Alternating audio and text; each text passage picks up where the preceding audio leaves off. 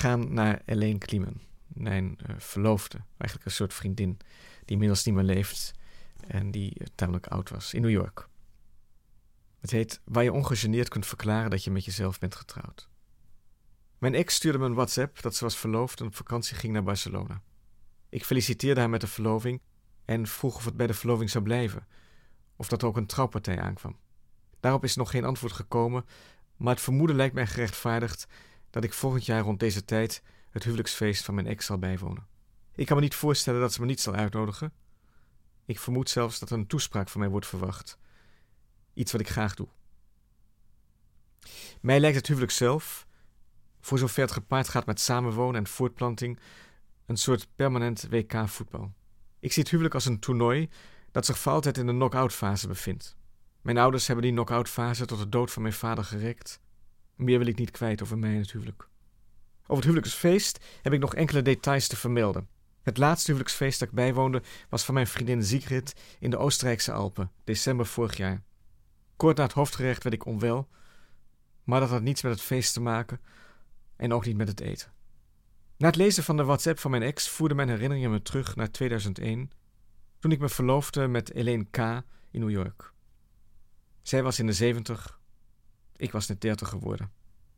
Het was wat je noemt een verloving met uitzicht op een verstandshuwelijk, maar er kwam wel degelijk genegenheid bij kijken. Het verlovingsfeest was prijzig, maar om geld maakte ik me geen zorgen en sprak vanzelf dat ik de rekening op me zou nemen. Mijn vriendin A was ook op het feest aanwezig en ergens bij de afterdinnerdrankjes verliet het feest in opgewonden en boze toestand. We hebben geleerd om onze emoties te beteugelen, maar de jaloezie wint soms van de beschaving. Waarom jaloezie zo vaak met boosheid gepaard dient te gaan, is mij niet duidelijk. Er zouden cursussen gegeven moeten worden. Leer genieten van je jaloezie. Hoewel mijn zus, vertelt ze in februari, dagelijks bidt dat ik een vrouw vind, een Joodse vrouw, heeft mijn moeder zich neergelegd bij mijn vrijgezellenbestaan. De tijd dat zij aandrong op een huwelijk, of mij zelfs voorstelde aan meisjes, ligt achter ons. Ik herinner mij een moeizame ontmoeting met een jonge dame, die om wat voor reden dan ook joods wilde worden en bij mijn moeder in de synagoge kwam. Ik had al een vriendin, maar dat maakte mijn moeder niets uit. Zij stond boven de status quo en als het moest, ging ze ook dwars doorheen. De jonge dame en ik lagen elkaar niet zo en daarna heeft mijn moeder geen pogingen meer gedaan. Al deze gedachten schoten door mij heen toen ik las dat mijn ex zich had verloofd, maar het meest moest ik toch denken aan Helene.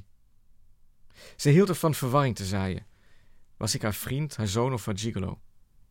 Haar appartement noemde ze Klein Kosovo en ze was ervan overtuigd dat de Amerikaanse luchtmacht haar soms gecodeerde, maar vertrouwelijke informatie deed toekomen. Ze kookte wel eens voor me, maar nog liever ging ze op mijn kost uit eten. Ze bezwoer me dat ze me beroemd zou maken in Amerika als ik maar bereid was haar af en toe te verwennen. Alleen stierf voor ze me beroemd had kunnen maken. Thuis ben je waar het sociaal wenselijke gedrag er niet meer toe doet. Thuis ben je waar je ongegeneerd kunt verklaren dat je met jezelf bent getrouwd.